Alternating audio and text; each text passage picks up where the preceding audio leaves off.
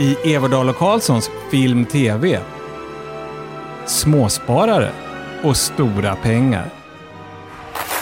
Retail traders have hooked into GameStop. I think they think it's a good investment. It looks like there's one guy driving all the buying. Who is this schmuck? Dumb money, man. Happy to take it. Svindlande affärer i dumb money. Och sen bara, Natasha Leon slår tillbaka. What's it like? Always knowing the truth. Outside of poker, less useful than you'd think. Pusseldeckaren Pokerface tar streamingvärlden med storm. Men inte bara det. Prisbelönta spionintriger på SVT. Talande, vemodiga skaldjur. Och så lite sex i västen på det. Varför inte? Allt i podcasten som är och förblir din enda vän i film och streamingdjungeln. Hej igen och välkomna till ett köksbord i Vasastan i Stockholm. Här sitter jag, Göran Everdal, med mina kumpaner C.G. Karlsson. Hej! Hej. Hej. Ja, jag är hes. Ja. Filmkritiker och Johan Andreasson. Tjenare. Tecknare, redaktör, unghund. Den gamla unghunden är på plats. Och det är vi andra också. Vi har varit på resa tillsammans alla tre i Grekland. Mm. Två, gud vilket dyster... Ja, men jag, jag, jag bara påminns om att den är över. Jag, jag får alltid en sån här reaktion när jag har varit... Speciellt, vi var ju borta nästan tre veckor som vanligt. Och jag får liksom aldrig nog. Jag älskar att ha semester. Mycket vill ha mer i det här fallet. Det kan jag identifiera mig med. För länge sedan i Veckorevyn så skrev du en krönika om det här fenomenet. När flygbussen går åt fel håll. Ja, Sen var det ju faktiskt rent konkret bara jag som tog flygbussen hem. I, i ert fall var det väl Arlanda Express som gick åt fel håll i så fall? ja, jag kan säga att på den här tiden när jag skrev den där gamla krönikan, då fanns inte Arlanda Express. Då var det flygbuss eller taxi. Det var Och- så länge sedan.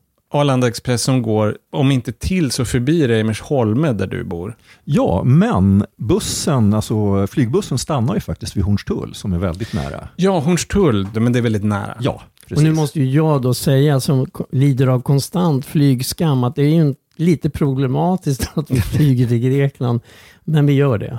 Nej, vi kan inte promenera. Det går Nej inte. men, nej, men det finns ju andra sätt. Men, men eh, ja, jag var bara tvungen att säga det. Det var så mycket nu Arlanda Express och flyg och hit och dit. Så. Fast Arlanda Express är väl ganska miljövänligt Ja, ändå? ja, ja. Miljövänligare än är bussen som den där miljöskurken använder. Å andra sidan så tog jag en rejäl färjetur när ni flög inrikes, så där upp pluspoäng för mig. Vi- Vilka flög inrikes? Ni flög väl till Santorini? Ja, så i Grekland? Ja. ja, ja, ja. Nu känner jag att det här börjar urarta till ett parti skuldbingo.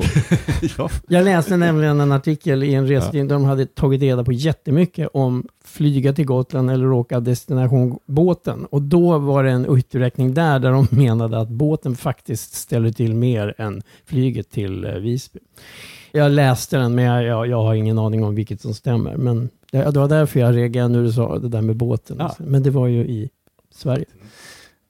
Vi har ju nyheter att komma med nu, alltså nyheter som vi kom med redan förra gången i och för sig, men nu ska det verkställas. Vi finns på Patreon. De som vill stödja oss kan numera göra det. Ja, och eh, inte nog med det, utan om allt går som vi har tänkt så kommer det när ni lyssnar på det här att ligga ett färdigt avsnitt på Patreon som går att lyssna på alltså, ja, samma dag som det här släpps. Där ett av våra samtal i studion idag fortsätter med bonusmaterial och extra eh, faktiskt inspelad klassiker från en av våra sitavisningar av den underbara Mannen utan minne, Kaurismäki-filmen. Japp, det stämmer. Och instruktioner för hur man får det här att funka kommer vi ha på Patreon-sidan. Det finns länk på Facebook-sidan och det är också väldigt enkelt att bara googla Everdal Karlsson Patreon, Patreon, då hamnar man rätt. Japp, och så ska förhoppningsvis allt ligga klart där. Om vi inte är alltför bedövade av depression efter Ja. i postsemesterångest. Är det dags för att prata film kanske? Ja, varför inte? Vi pratar film.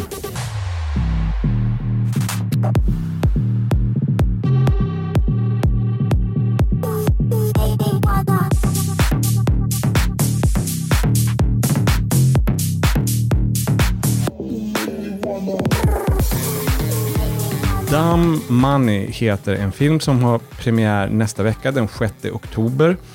Och Dumb Money, dumma stålar, dumma pengar. Vad betyder det Johan? Alltså förutom det bokstavliga.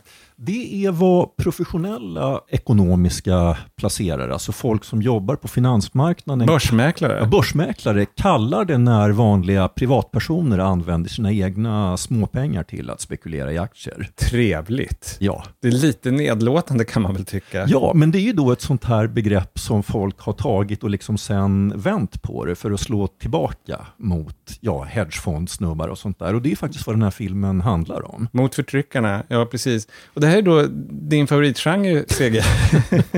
Ekonomifilmer. Ja, nej det är ju verkligen, eh, jag är alltid liksom på förhand väldigt sådär, åh herregud hur ska jag hänga med? Alltså jag är så superkoncentrerad i början av filmen för jag vet att, nej men jag är ju, jag, jag skulle faktiskt vilja påstå att jag tror jag är mer, har mindre koll än folk i allmänhet på allt sånt här. Alltså ekonomi, börs. Vad är en hedge fund? Det är inget som du Nej, är påläst jag bara på. vet att det förekommer i såna här filmer och så. Nej, men jag är sådär verkligen, det, även när det är pedagogiskt. Våran gamla morgon-tv-kompis Alexander Norén, han är ju numera ofta i Aktuellt och förklarar olika såna här ekonomiska skeenden. Och han är jättepedagogisk och, och, och, och duktig och allting, men det funkar ändå inte för mig. Är, Du sitter i soffan som en fågelholk Nej, alltså, det är bara, bara så, mitt huvud, det är så här, jag lyssnar på första minuten och sen märker jag liksom att sen slutar, sen sonkar jag ut. Jag, jag, jag tycker liksom allt sånt där är så tråkigt och det är ju för att jag inte fattar det. Men just därför av oss tre, jag menar inte för att jag eller Johan är några experter heller, men, men eftersom du är så anti så är du nästan den bästa att recensera den här filmen.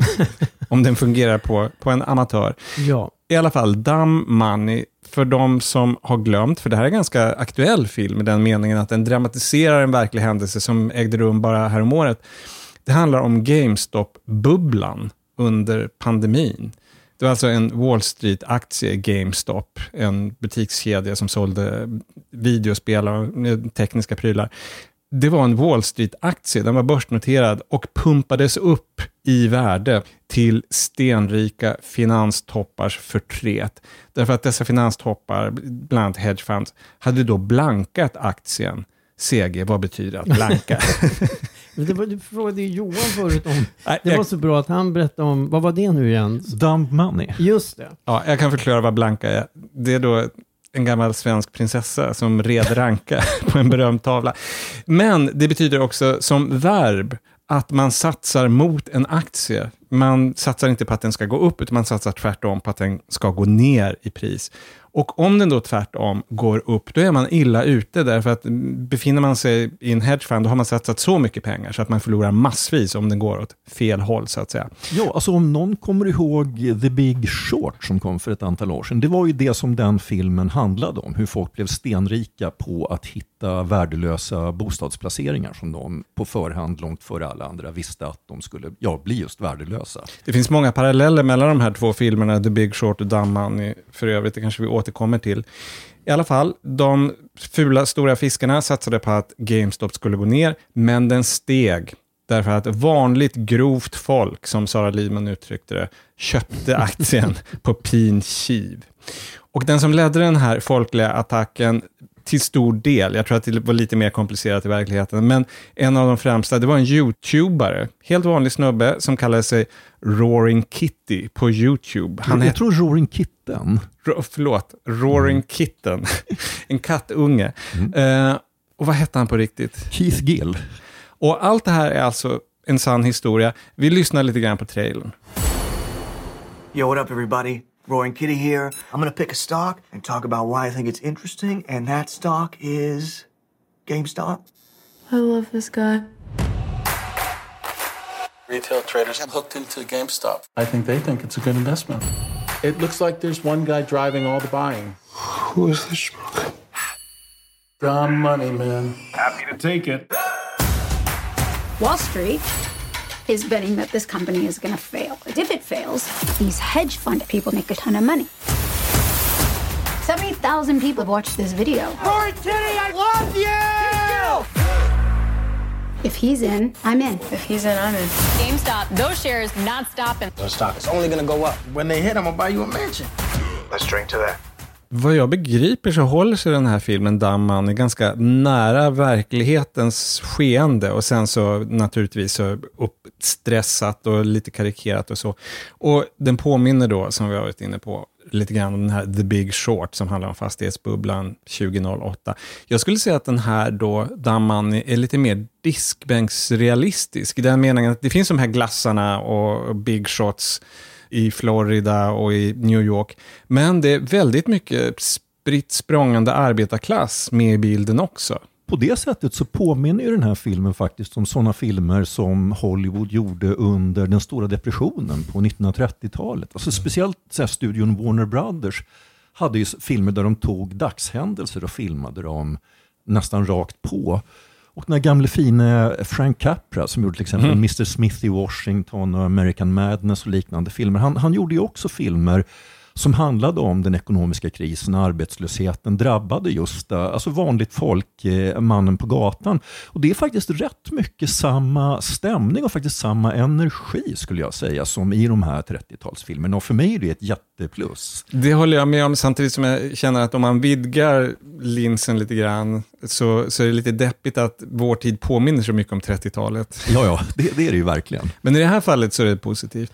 Jag, jag tänkte också på Capra eh, flera gånger. Det är ju liksom ofrånkomligt. Och, och dessutom hela det här David mot Goliat. Ja. Det är ju filmens liksom, idé nästan.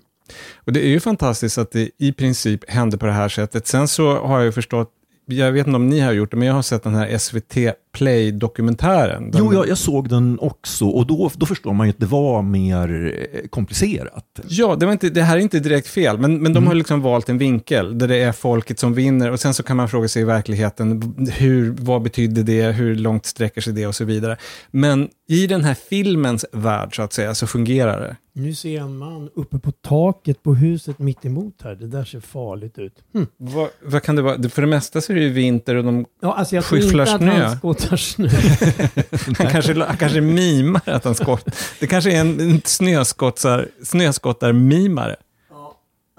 Han har en kompis också. Nej, nu ska vi sluta. Jag, förlåt, jag, var bara, jag blev så... De kanske är sotare. Här ska jag klargöra då att jag bor på fem trappor, så att man ser grannens, eller grannfastighetens tak tvärs över gatan här på Norrtullsgatan. Eh, var var vi någonstans?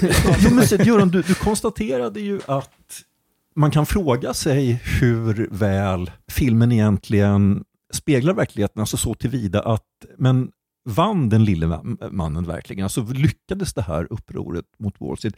Men alltså jag tycker det, här, det är ändå rätt fantastiskt att den här, alltså den här typen av film som ju ändå primärt är alltså underhållande, den är ganska kort dessutom. Så att, för, förutom att vara väldigt kul att se, också faktiskt väcker frågor som har ja, liksom legat kvar i huvudet ett ganska bra tag efteråt. Vi såg den väl för någon vecka sedan.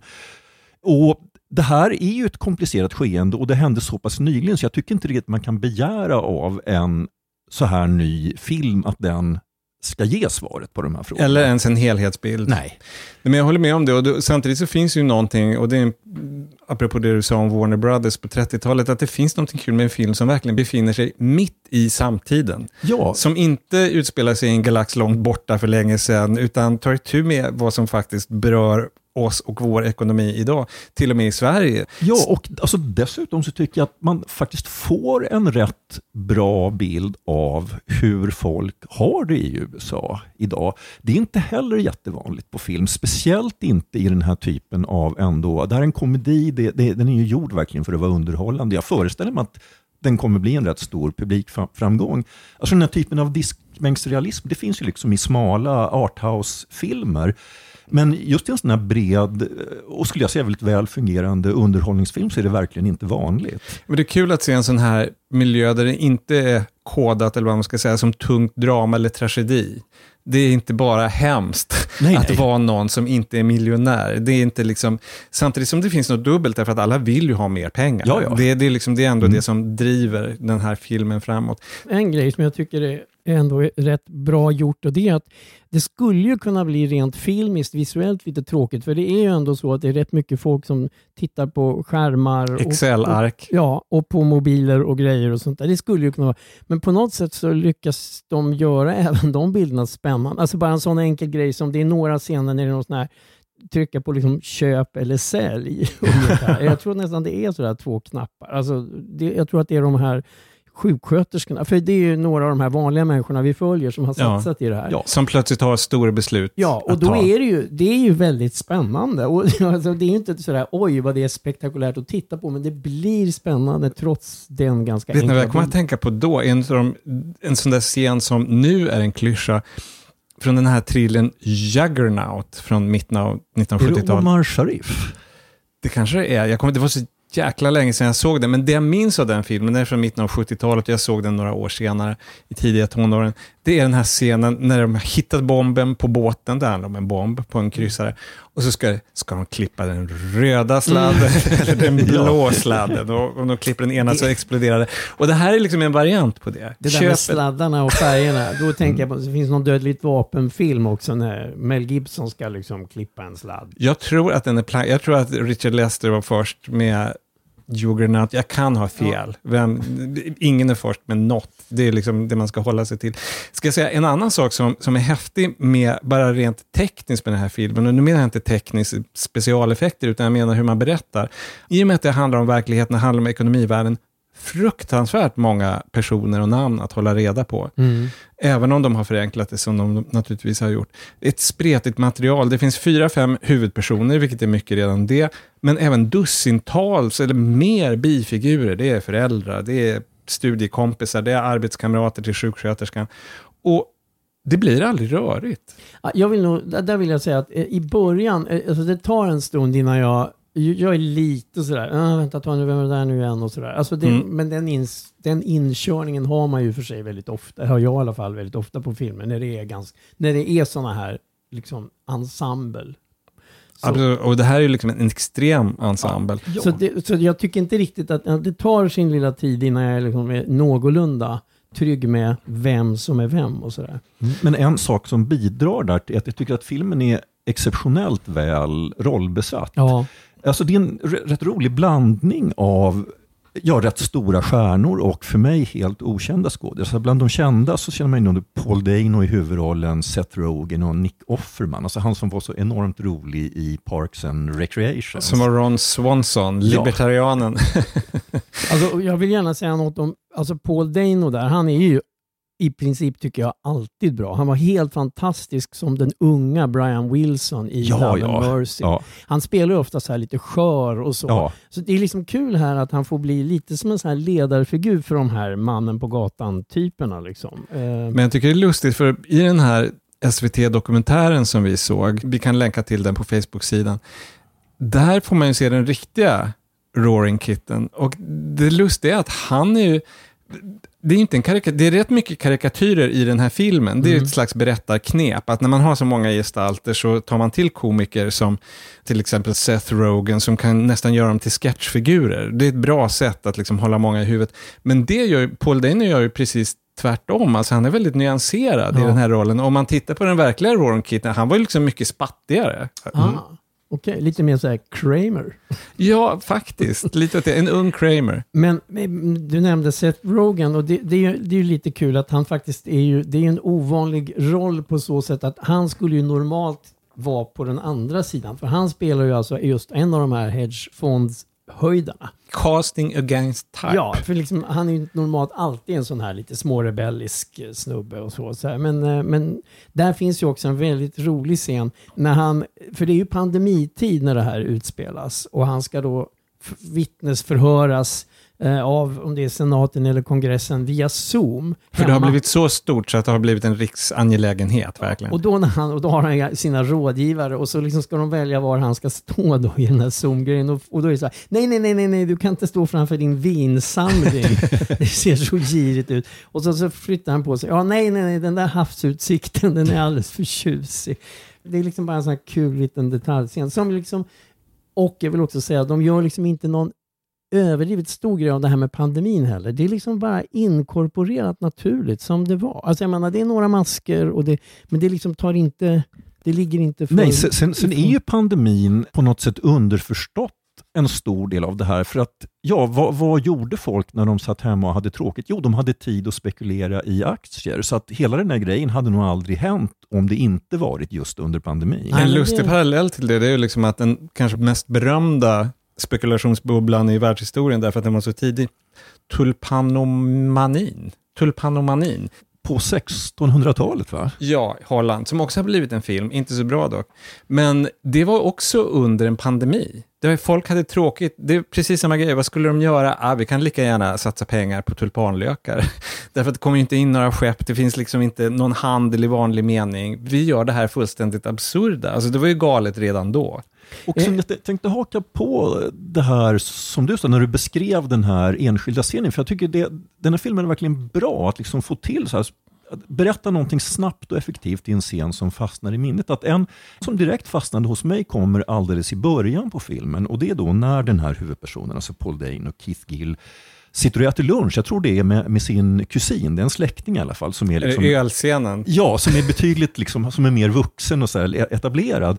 Och de börjar diskutera vilken öl de ska dricka till lunchen. Och plötsligt så blir, och så pratar de samtidigt då, Paul Dano, alltså Gill, om att han har satsat 50 000 dollar av sina verkligen inte stora egna besparingar på den här GameStop aktien. Och då blir plötsligt servitrisen investerad och undrar kusinen, men tar du hans investeringsråd på allvar? Ja, men om det är någon som är, lägger ner så här mycket tankeverksamhet på vad han ska lägga 5 dollar på en öl, då vill jag veta vad han är beredd att lägga 50 000 på.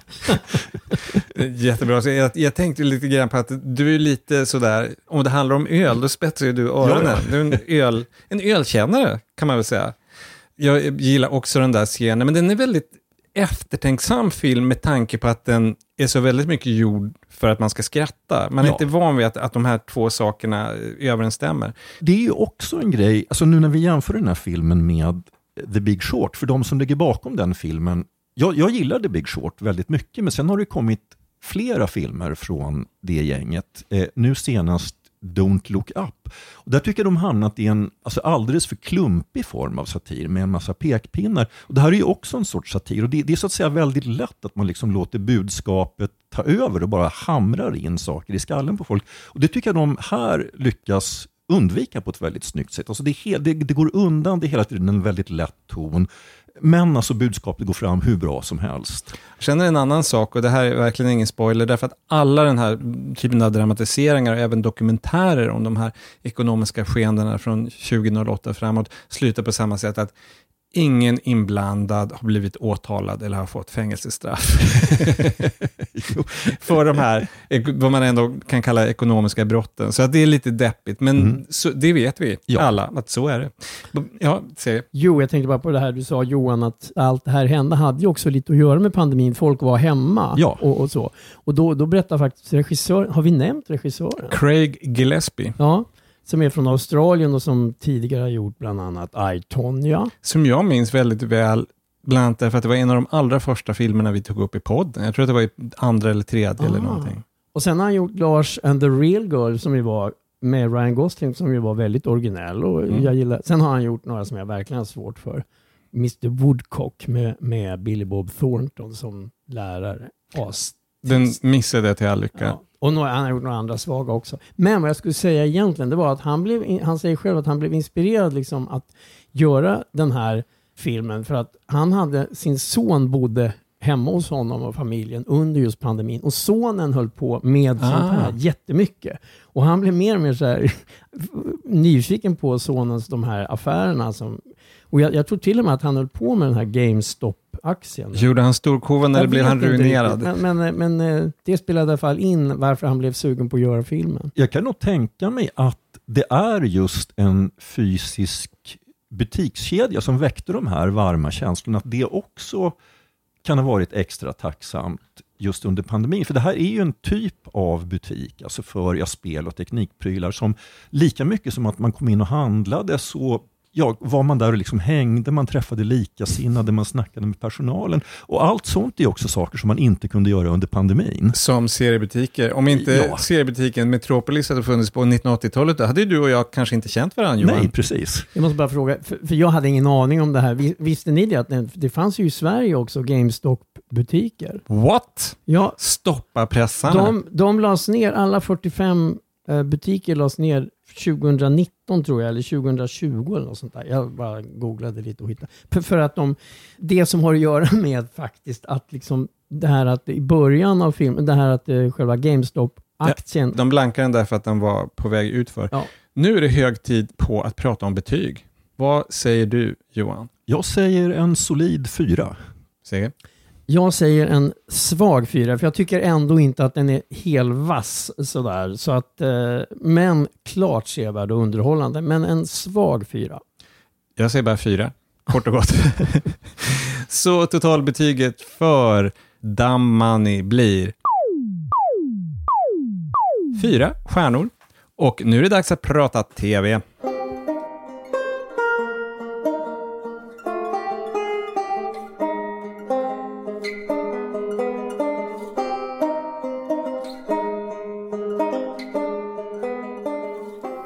Hör vi signaturen till Pokerface, en deckare, en pusseldeckare på Sky Showtime.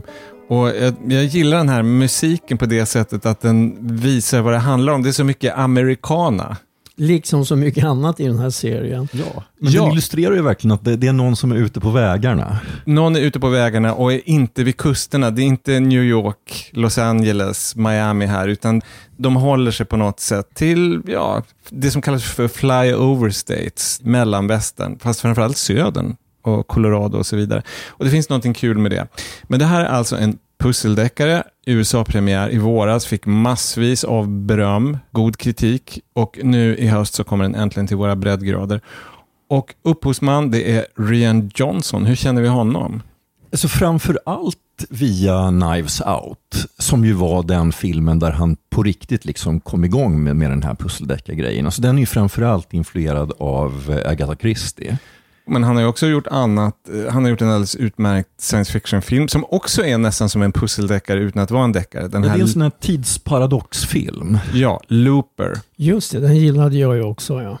Och sen så det som var hans, eh, hur ska jag säga, frikort, så att han fick göra Knives Out och pusseldeckare som det är ju svårt att tänka sig nu när det är så väldigt hot med pusseldeckare, men det fanns ju ingenting som var mer ute, i synnerhet den här Agatha Christie-varianten som Rian Johnson brinner för. Att han fick göra det här för filmbolaget, det var rätt mycket därför att han gjorde The Last Jedi, Star Wars-filmen, att de trodde på honom. Så att han till och med kunde göra någonting så dammigt som en pusseldeckare. Vilket det visade sig att det kunde han ju. Okej, Pokerface på Sky Showtime kan jag säga en gång till. Huvudperson här, hon heter Charlie och hon spelas av Natasha Leon som man kommer ihåg ifrån Orange is the new black och ännu mer kanske ifrån Russian Doll. Absolut, och eftersom jag inte, jag har bara sett jättelite av Orange is the new black, så för mig är hon Russian doll. Ja, och det man minns av henne är ju kanske mer än någonting annat hennes röst. Ja, den här hon- otroligt karaktäristiska, liksom raspiga, hesa rösten. Ja, hon har en jättehäftig röst. Hon började faktiskt som barnskådespelare. Hon var med i någon Woody Allen-film till exempel, Everybody says I love you. Så att, eh, hon har hängt med ett tag, men hon är en sån där som har blommat upp nu när hon är, eh, ja, närmar sig medelåldern. Det speciella med Charlie i den här serien, det är att hon har en märklig egenskap. Hon vet när folk ljuger. När de far med osanning. Det är nästan övernaturligt. Man måste bara acceptera att det är så. Att hon har den här superegenskapen, att hon fattar när folk ljuger en bullshit-detektor. Bokstavligt talat, för hon, säger, hon har ju liksom sin catchphrase. När hon, har, hon kan inte hjälpa när någon säger Åh, vilken god stuvning. Bullshit.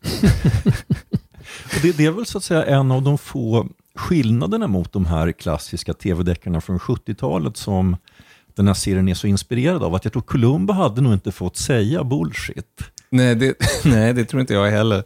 Det skulle vara väldigt märkligt. Det skulle bara falla utanför det universum om Peter Falk när han är i någon av de här snofsiga lokalerna, gentila salarna. Han säger äh, bullshit. Just one more thing. Bullshit. Det här är bara en utav, hur ska vi säga, gimmickarna i den här serien. Vi kommer fram till de andra, men vi ska lyssna på en scen när hon diskuterar den här nästan övernaturliga talangen i pilotavsnittet och hon pratar med sin arbetsgivare som spelas av Adrian Brody. Hon jobbar på kasino i det här läget. So, uh, what's it like? Always knowing the truth.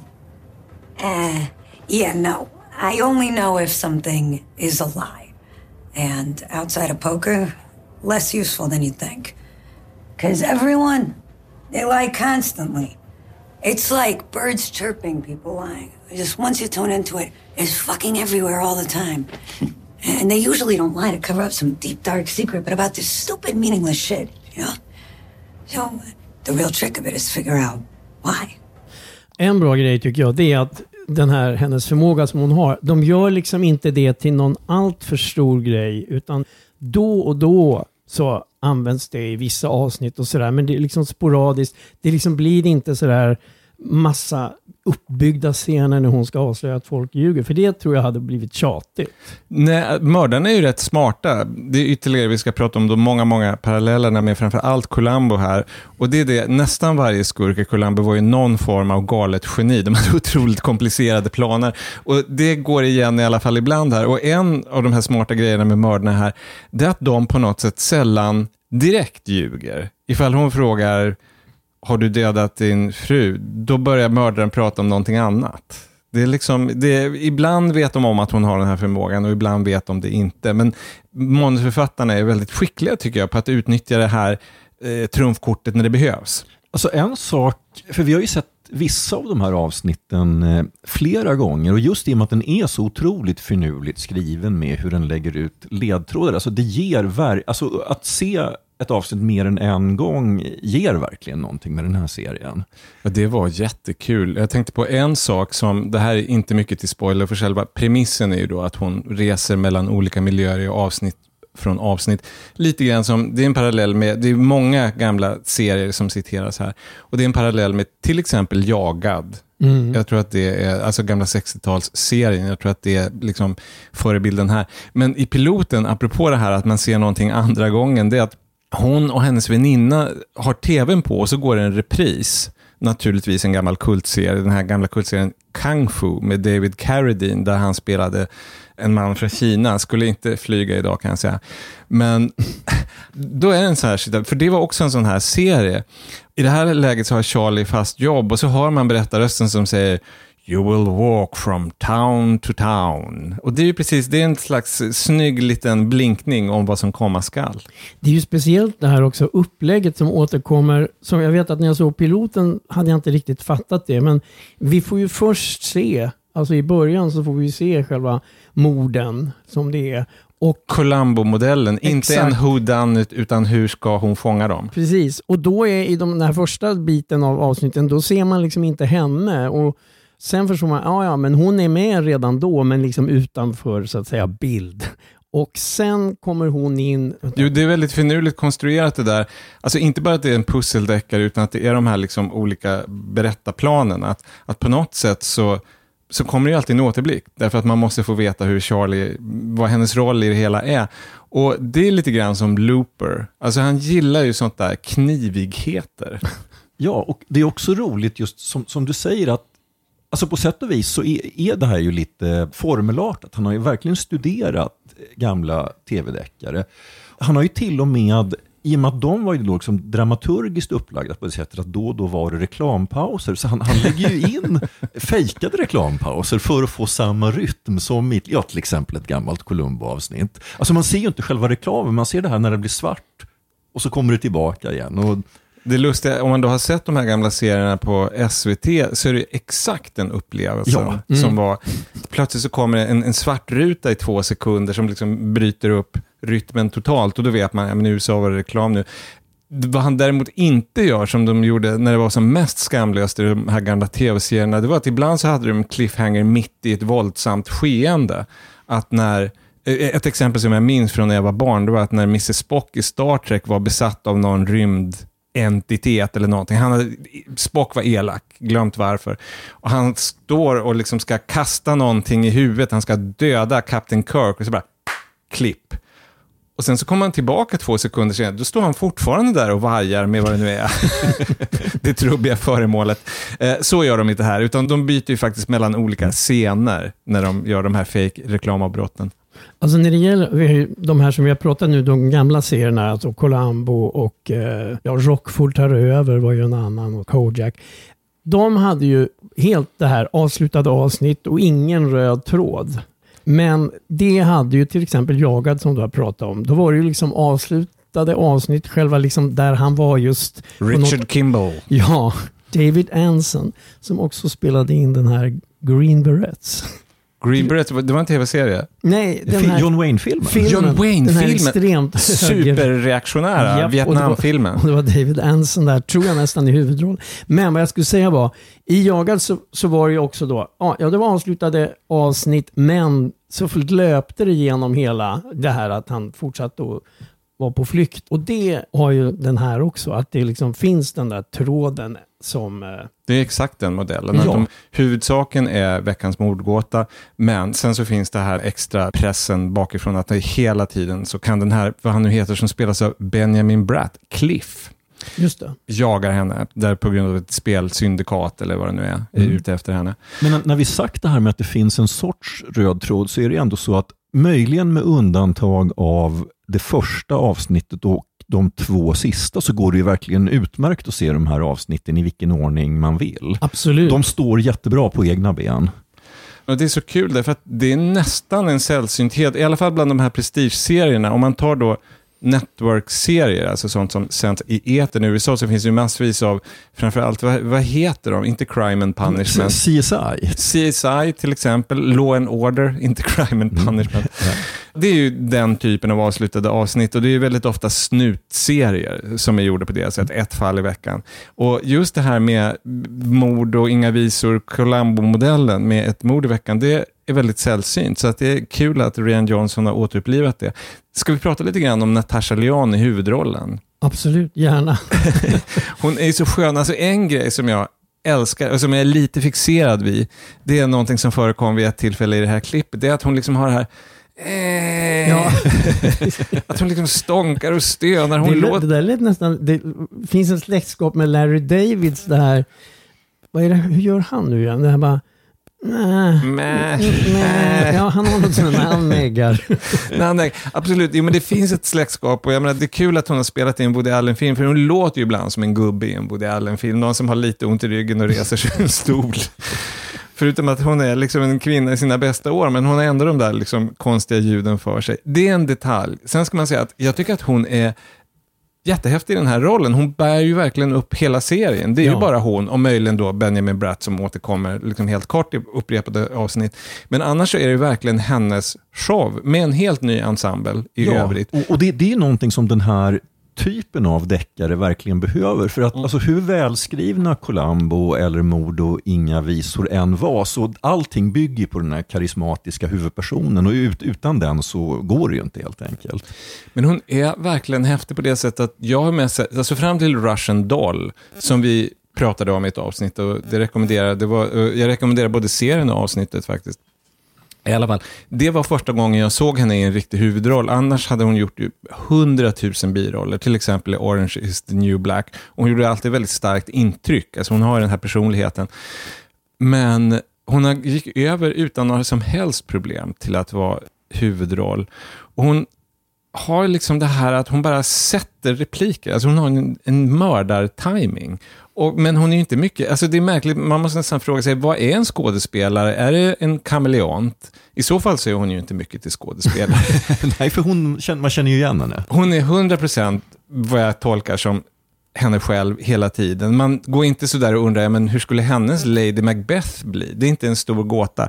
Däremot så är hon i rätt roll så finns det ju bara hon. Alltså man kan inte se någon annan.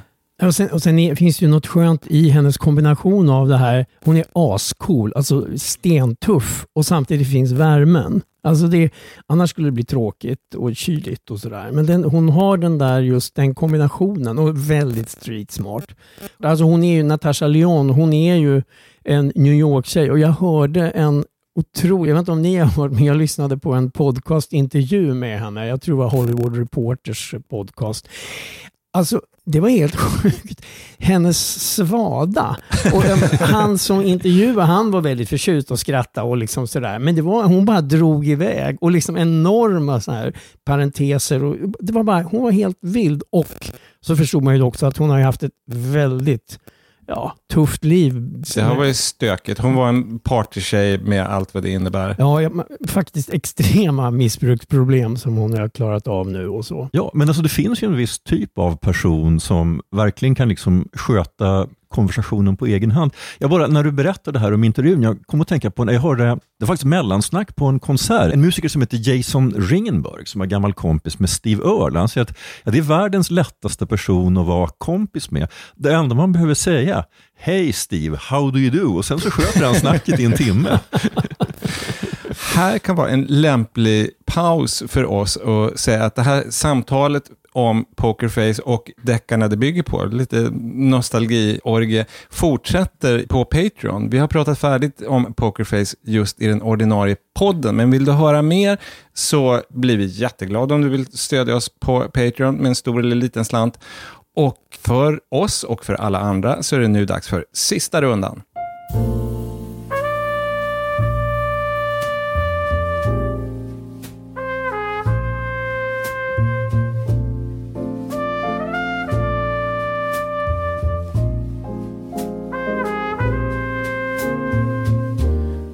Och så var det dags för sista rundan. Tre ytterligare snabba, eller ja, hyfsat snabba tips. Eh, ett från oss var. CG, vad har du i ränseln? Alltså jag är aldrig snabb. Nej. Jag äter långsammast i världen och vänta bara nu för jag ska... Alltså vi, vi är ju rätt pratglada allihopa, så att Nej, men jag ska först bara säga att jag berättade ju att jag var deppig efter Grekland här nu och bara, och så blev jag så glad när jag kände, åh, sista rundan, den här filmen ska jag se, den verkar kul. En gammal svensk Pappa sökes på SVT Play från 1947.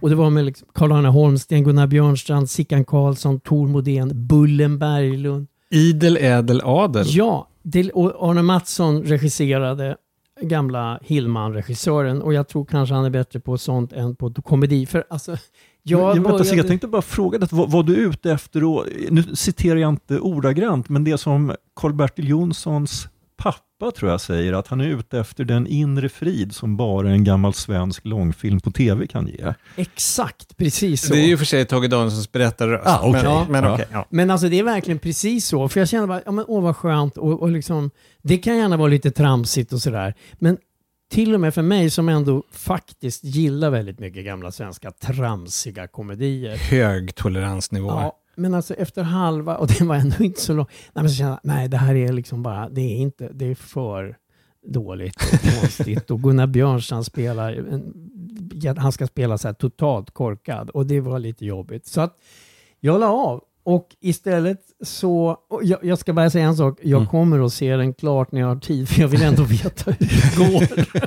för den där korkade mannen som spelas av Gunnar Björnstrand. Då, då kan jag ta ett till Karl-Bertil-citat, och du får inte veta hur filmen slutar.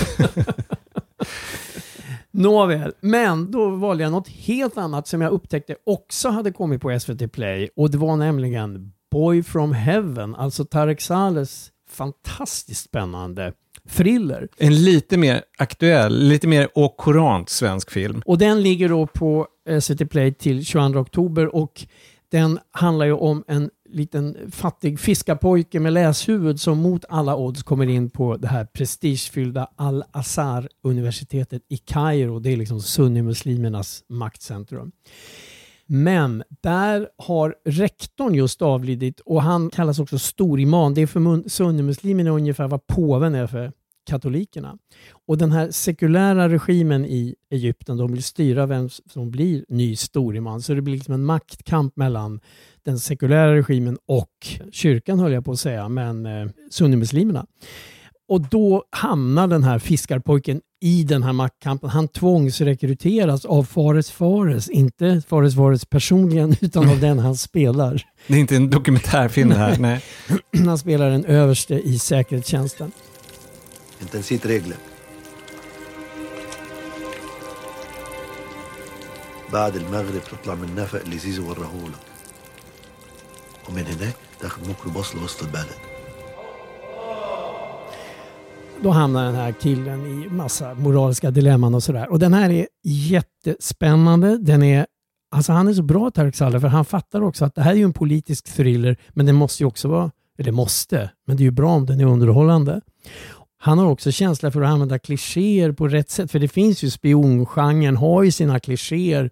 Och det är helt okej okay om man liksom gör det på rätt sätt. Och det gör, tycker jag, Tarek Saleh. Det här är en sån tycker jag, en väldigt bra film. Så även om man såg den på bio kan man se om den. Men såg man den inte på bio så är det verkligen läge att göra det.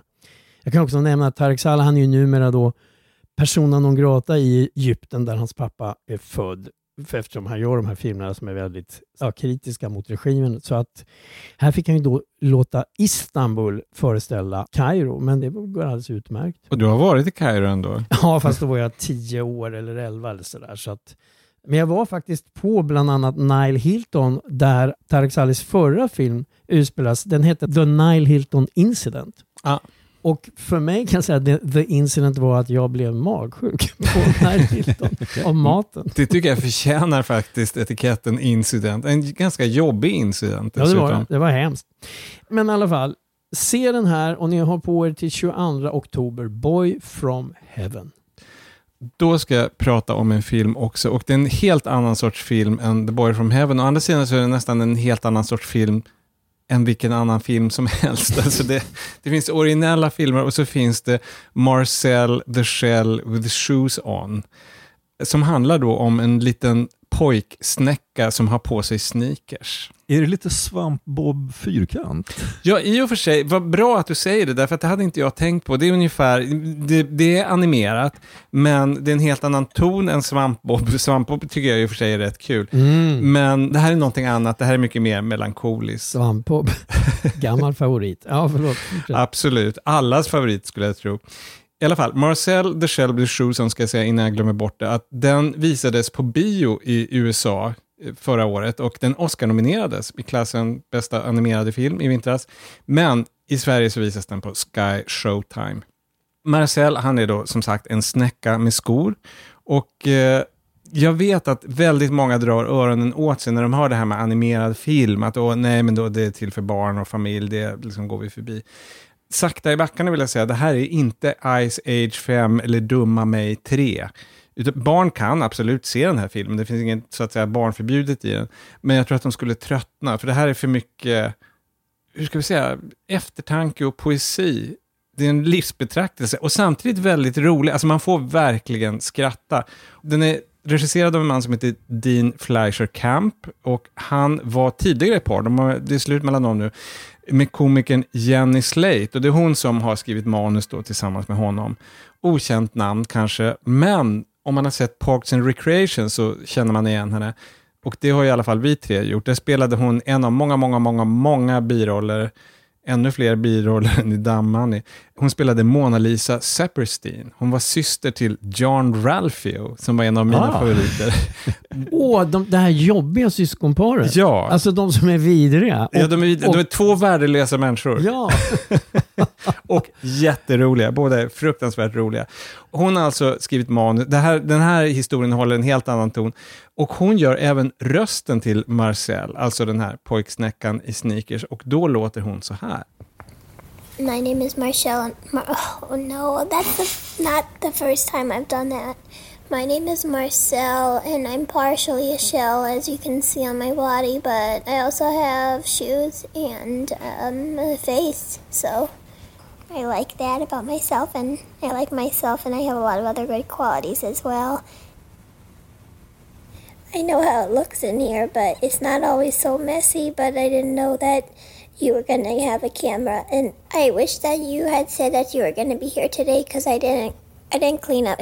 I invited some friends from upstate to come and eat salad, so that's I'm so well. That's just how it looks right now. Man kan väl konstatera att Marcel är inte speciellt lik eh, John Wayne för att anknyta till det som jag så småningom kommer att tipsa om. Nej, det vore synd att påstå. Det är liksom det, är det här stora oskyldiga ögat mitt i snäckan. Och, nej men jag blir bara på ohjälpligt gott humör. Alltså jag blev jättesugen på att se den där. Gud vad kul. Jo men den är kul och samtidigt så finns det den här liksom melankoliska tonen därför att han har blivit av med sin familj. De försvann i någon flyttlåda. När den enda som finns kvar, det är hans mormor. Rösten görs av Isabella Rossellin och hon är också underbar. Mm. Man, man bara älskar henne Delvis så är det ju då animerat, men det är också, miljöerna är verkliga. Det är ett riktigt hus det utspelar sig. Och det gör att det finns någon slags underlig, jag ska inte säga realism, det gör det ju inte, men man känner ändå att det tilldrar sig i vår värld man förknippar inte den här typen av historier med animation. Det finns slapstick, det är jätteroligt när han försöker göra olika mekaniska lösningar på vardagsproblem och sådär. Men framför allt så handlar det om samhörighet och ensamhet och avsked. Och en hjärta blöder för Marcel. Ja, alltså jag tyckte man kände just det där, ja, och lite sådär, det som kan finnas i snobben ibland. Ja, absolut snobben och även Tove Jansson, Mumintrollet. Ja två guldstjärnor i min bok. och sen var det ju den här rösten. Var, är det alltså hon, är det jobbiga syrran som gör ja. hans röst? Ja, det är otroligt. För den var ju så fantastiskt fin. Hon rymmer mångfald, Sege, Jenny Slate. Och dessutom är den väldigt snygg i sin enkelhet. Den här kombinationen mellan animation och någon slags dokumentär dokusåpa funkar utmärkt. Så att se den. Den påminner inte om mycket annat, utom möjligen som du då anmärkte Johan, lite grann Svampbob Fyrkant om Svampbob var lite ledsen, vilket han aldrig någonsin är. Så att det var alltså Marcel the Shell with Shoes on på Sky Showtime. Jag ska tipsa om en bok som heter När svenskarna sköt skarpt, skriven av Daniel Hånberg Alonso. Den här boken har inte kommit ut än, men den släpps den 10 oktober, alltså alldeles snart, och den kan redan nu beställas på nätbokhandeln. Och Den här boken handlar om, som man kanske förstår av titeln, svenskarnas kärlek, enorma kärlek till vilda västern. Det hade ju också kunnat handla om orten. Ja. Men det, det är dåtid. Åh, den där Göran. Ja. Och den är, det är en riktig tegelsten det här. Alltså det är drygt 500 sidor som går igenom svenskarnas förhållande till västernfilm ur alla möjliga synvinklar och från början. Alltså det börjar med indianböcker, alltså sånt kom ju väldigt tidigt. Och vi får veta att det var en indianbok, så läsningen av en indianbok som fick Selma Lagerlöf att vilja bli författare. Var det Karl May, den där tysken? Eller James Fenimore Cooper, han var väl ändå amerikan? Eh, Karl May var tysk Cooper var amerikan. Jag ska faktiskt inte svära på vilken bok det var, Nej. Lagerlöf. Men jag, man skulle ju önska att det var en tysk bok. det är faktiskt med lite grann även om tyskarnas kärlek till västern, som ju är väldigt speciell. Speciellt Östtysklands kärlek till västern och vad man, de gjorde med den. Man kan väl säga att sauerkraut-västern föregick spagettivästern? Ja, och ja, sedermera då lingonvästern som är någonting som den här boken kommer in på väldigt mycket. Alltså typ westernfilmer med eh, Carl Gustav Lindstedt som revolverman eller Sven-Ingvars i en westernmusikal som heter Under ditt parasoll. Under ditt parasoll spelar mig ingen roll Vart i världen vi oss vänder Lyckan mig jämt består Nej, den kommer och går Lycklig blir den som dig får det var deras dröm sedan de var barn, att spela sjungande cowboys. Och den här drömmen höll på att sänka. Det är väl allas dröm? Ja, ja, självklart. Eh, men det är inte alla som förverkligar den. Speciellt inte med Ragnar Frisk som regissör, alltså gamle Åsa-Nisse-regissören. Och det här projektet var nära att sänka ett av Sveriges populäraste och ja, lönsammaste band någonsin, föreställer jag mig. Men som alltså Sven-Ingvars. Sven-Ingvars, ja, ja. Men alltså när det gäller western så det, det, alltså allting handlar om eh, entusiasm. Alltså en annan jättespeciell grej med Sveriges och Skandinaviens förhållande till western, det är de här kioskböckerna med västerntema. Och de hade ju då det var alltid väldigt amerikansk klingande namn på pärmen, men författarna hette egentligen sånt som jag, Bengt-Åke eller Kjell. Kjell Genberg var en Kjell Genberg är Kjell och Bengt-Åke Kras. Han, han skrev allt möjligt, men även en hel del westerns. Och en, en speciell grej för just Sverige och möjligen, möjligen lite Norge också är en genre som heter sexy western. För det, det här, den här stora vågen av kiosk, eh, kioskdeckare, vad jag får säga, men kioskböcker då, sammanföljer rätt mycket med den här stora porrvågen på 60 och 70-talet. Och ja, man har... Finns det porrvä svensk porrvästern? Japp, sexy westerns Det skrivna. har du ju, Ja. sexy Ja, ja, ja, western. ja förlåt. Eh, Eh. Pocketböckerna, vad dum jag. Ja, den här boken handlar inte bara om entusiaster utan det är så att säga ett projekt drivet av entusiaster. Boken har den började som ett Kickstarter-projekt men som väldigt snabbt fick finansiering. Och jag har faktiskt själv varit med dels då och kickstartat men också lånat ut några skanningar just av sexy western-omslag. Så jag, jag har dragit mitt strå till stacken här. Det är inte bara James Fjong som till folk läran om svensk populärkultur. Och sen, det här är en väldigt rolig bok, täcker som sagt svenskarnas kärlek till västern ur alla möjliga synvinklar, men den är då full av roliga anekdoter.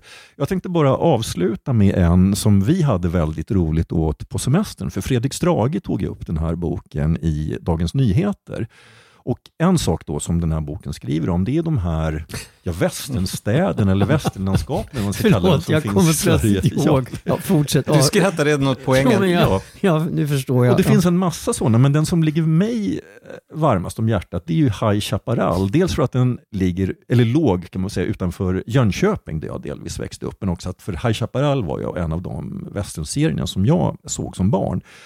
Men High Chaparral det skapades och drevs av en lokal profil i, i Jönköpingstrakten som kallades för Big Bengt.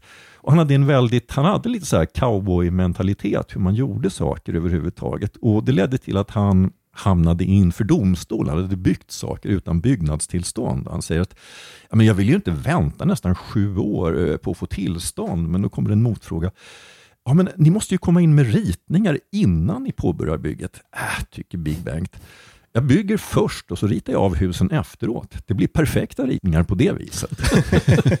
Det så- En sann cowboy. Ja, och vill ni ha mer av den varan så ska ni köpa När svenskarna sköt skarpt av Daniel Hånberg Alonso. Och det var vårt program idag, men det kommer mera. Äventyret fortsätter på Patreon om ni vill stödja oss. Och om inte så det är naturligtvis helt okej. Då ses vi om en månad. Niklas Runsten redigerar som vanligt. Och det är dags att säga hej då Johan. Hej då. Hej då Sege. Hej då. Hej då mig, Göran. Vi hörs. Eh,